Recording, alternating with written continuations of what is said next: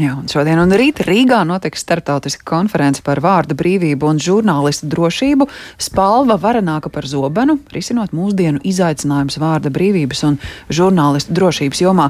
Tiešraidē konference būs skatām arī citviet pasaulē. Uh, gan par konferenci, gan par šo tēmu uz sarunu esam aicinājuši Medija Hub Rīga vadītāju Sabīni Sīli. Labrīt! Labrīt! Vai konferencē arī izskanēs Ukrainas vārds? Pilnīgi noteikti. Tā liekas, vārda brīvība un kara konteksts skar mūs visus un apvieno. Un to mēs jūtam arī sarunās ar kolēģiem, žurnālistiem Šveicē, vienalga, kurā pasaules malā viņi atrodas, lasot ziņas un ziņojot par to vēstot. Tas skar mūs visus. Mm. Šī konference tad uz vārda brīvības jautājumiem skatīsies pārsvarā caur Ukrainas šī konflikta prizmu? Man, manuprāt, ir vēl plašāk. Jo vēsturiski arī mēs redzam, jebkurā brīdī vai vēsturiskā periodā, kad ir karš vai konflikts, ir tendence varas iestādēm um, virzīties uz tādu kontrolas mehānismu um, pusi. Uh, izmantojot uh, cenzūru vai citas metodes. Un, uh, arī Latvijā mēs vērojam, ka pašcensūra kļūst jau tāda mm, ierasta parādība. Un, um, Tā ir neefektīva metode, tā ir veca metode no padomu laikiem, un daudz kas mums uh, ir jāmaina, bet, lai to mainītu, mums par to ir jārunā. Un, diemžēl arī Baltijā mēs novērojam, un it sevišķi Latvijā ar, ar mediju regulātoru lēmumiem, mēs redzam, ka tā tendence ir aizgājusi ārpus līdzsvara. Un tādēļ ir šī saruna svarīga, ko darīt ar vārda brīvību, kā aizsargāt žurnālistus. Jo arī žurnālistu vidū, starpā, un tas nav tikai Latvijā, tas ir visā Eiropā, apdraudējums pieaug gan digitālajā vidē, gan arī fiziskais apdraudējums. Un Tas ir bīstami. Ja mēs neaizsargājam žurnālistu vai vārdu brīvību, demokrātija nevar pastāvēt. Kuras ir tās situācijas, tie piemēri, kas jums rada jautājumus vai satraukumu? Um, tie piemēri ir saistīti ar nacionālo drošību. Jo ļoti līdzīgi arī Krievijā pirmie uzbrukumi vai represijas, kas tika vērstas pret uh, žurnālistiem vairākus gadus atpakaļ, uh, pēdējo, pēdējā desmitgadē, uh, Tie visi bija aiz drošības aizsaga, aiz profesionālo standartu ievērošanas aizsaga. Un tādēļ ļoti uzmanīgi mums šim jautājumam ir jāpieiet. Jā, ir pareizi, ka nacionālā drošība ir vairāk nekā militārs jautājums. Eh, tas ir saistīts ar sabiedrības uzticēšanos, ar sociālo, ekonomisko situāciju, cilvēku ienākumu līmeni arī. Bet uh, mēs tāpat laikā nedrīkstam um, neņemt vērā tās um, vēsturiskās kļūdas. Um, ja mēs, piemēram, paskatītos atpakaļ no 30. gadiem, gadiem mediju vēstījumus, tie bieži vien bija ļoti līdzīgi, kas vēsta par to, kad ir bijusi cenzūra kaut kādā mērā, kad uh, viedokļu daudzveidība pazūd, ka cilvēki baidās runāt par grūtām vai sāpīgām tēmām. Bet, lai mēs virzītos uz priekšu un uh, mācītos uh, un to pagātni arī nolikt aiz muguras un uh, varētu ar gaišu skatu arī vēroties nākotnē, mums ir jārunā par sāpīgām tēmām. Mums ir jā, jātiek no tā vaļā, bet to mēs nevaram slēpjot vai izvairoties. Un um, tās neērtās tēmas ir dažādas. Par mūsu sabiedrības daudzveidību, par krievu valodas lietošanu. Un, bet mēs uz priekšu netiksim, ja mēs nemācīsimies runāt par tām tēmām. Un, diemžēl tie vecie mehānismi ir ērti zināmi, mums ļoti labi pazīstami, sevišķi tie, kas esam dzīvojuši padomu laikos, bet tā metode ir neefektīva. Un tā nodara kaitējumu un sašķeļ sabiedrību. Un mēs nedrīkstam atļauties, mēs nevaram atļauties tagad būt sašķelti, ja mēs gribam uzvarēt šo karu, ja mēs vēlamies virzīties uz kaut ko gaišāku. Bet nu, mērķis panākt vienotu sabiedrību, tas mazliet arī izklausās pēc tā, ka kādam būs jānoklusē savas domas, kādam būs jāieslēdz tā pašcensūra vai šajā mm. neārto jautājumu aplūkošanā mēs varam tomēr palikt katrs arī savā viedokļa pusē ar savu nostāju. Jā, bieži vien mēs to vienlīdzības zīmi liekam, kad vienoti nozīmē, ka mēs visi vienā domājam. Nē, nebūtu tā, ne. Jo cilvēka sajūta, ka viņš pieder kaut kam, nenozīmē, ka viņam ir obligāti jāsimilējas un jākļūst identiskam otram.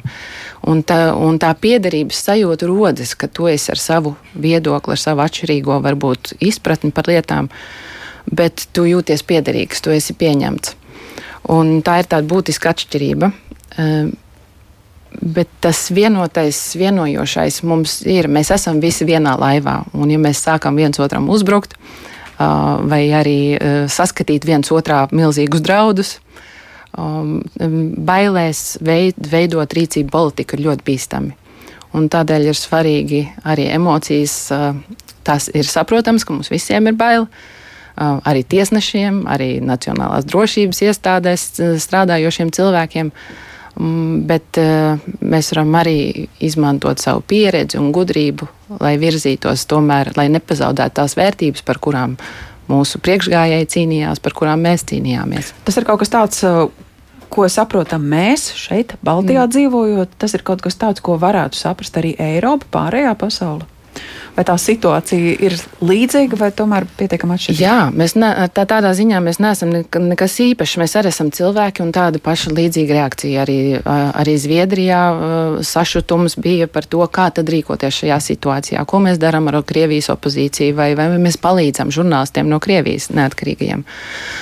Bet arī līdzīgi arī novērots pagājušā nedēļa arī Nīderlandē kur Nacionālās drošības politikas priekšlikumi iekļāva iespēju arī vajadzības gadījumā noklausīties žurnālistu sarunas, bet tas apdraud atkal šī, šo te avotu vai parastā iedzīvotāja iespēju ziņot, ja viņi redz netaisnību, ja viņi redz pāridarījumus. Um, ja citam nevienam nevar uzticēties, tad ir iespēja nākt pie žurnālistiem. Un to mēs novērojam arī uh, valstīs, kur ir uh, autoritīva režīma, kad, kad zūd ticība uh, sistēmai, tiesību sargājošiem orgāniem. Cilvēki nāk pie žurnālistiem, pie mēdījiem, kā pie so, pēc, vērsties pēc taisnības un sociālās palīdzības. Kas savukārt uguns pirmajās līnijās noliek žurnālistus. Cik droši ir šīs profesijas pārstāvji? Um, es gribētu teikt, ka šie profesijas pārstāvji ir noteikti uh, drosmīgi. Jo šajā laikā, um, ja mēs iedomātos, ja kaut kas tagad notiktu, un ja mēs šorīt jūsu balsis nedzirdētu, um, man būtu ļoti neumolīga sajūta. Tas, ka žurnālista pienākumos ietilpst ziņot no karstiem punktiem, ziņot jebkuros apstākļos, covid apstākļos vai kara apstākļos, tā ir profesija, kas ir kļuvusi bīstama. Un aizsardzība ir nepieciešama. Un, diemžēl vienmēr politikas veidotājiem ir tāds darbs, ka viņiem jācenšas tikt līdzi laikiem, bet laiki ir ļoti mainīgi un ļoti ātri mainās. Un līdz ar to politikas dokumenti vai aizsardzība žurnālistiem kavējās. Un tādēļ mēs aktīvi strādājam pie, pie tā kopā ar citām pašregulējošām mediju organizācijām, ar žurnālistu asociāciju. Mēs uh, runājam, tiekamies ar drošības iestādēm, arī ar iekšlietu ministrijas uh, darbiniekiem, lai runātu par to, kā aizsargāt, kas jāmaina likumdošanā. Bet arī ar tiesnešiem. Kas ir mainījies aizdīto pāris gadus laikā, runājot par žurnālistu drošību, un nevis tikai vienkārši uz, to, uz tiem karstajiem punktiem?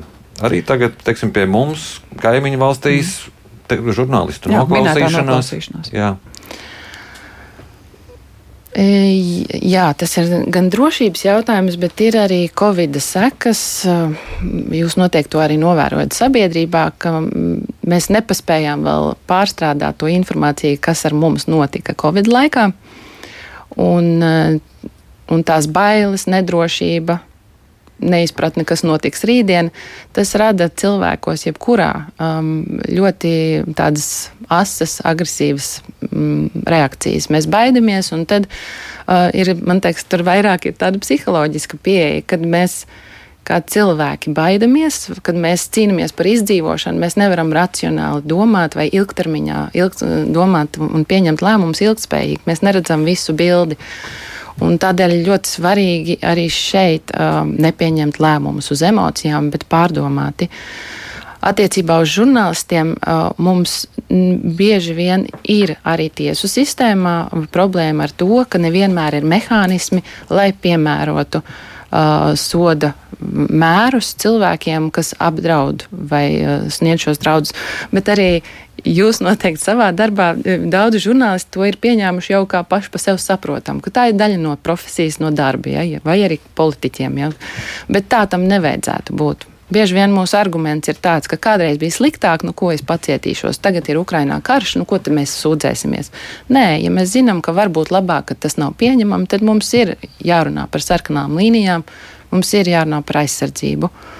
Demokrātija un nacionālā drošība nav iespējama bez vārda brīvības, bez žurnālistu darba, bez neatkarīgiem mēdījiem. Jā, liels paldies jums par sarunu. Atgādinu, ka mūsu studijā bija mediju habarīga vadītāja Sabīna Sīla un runājām par starptautisko konferenci, kas veltīta vārdu brīvības un žurnālistu drošības jautājumiem, kas norisināsies šodien un rīt. Starptautiska konference atzīmēšu.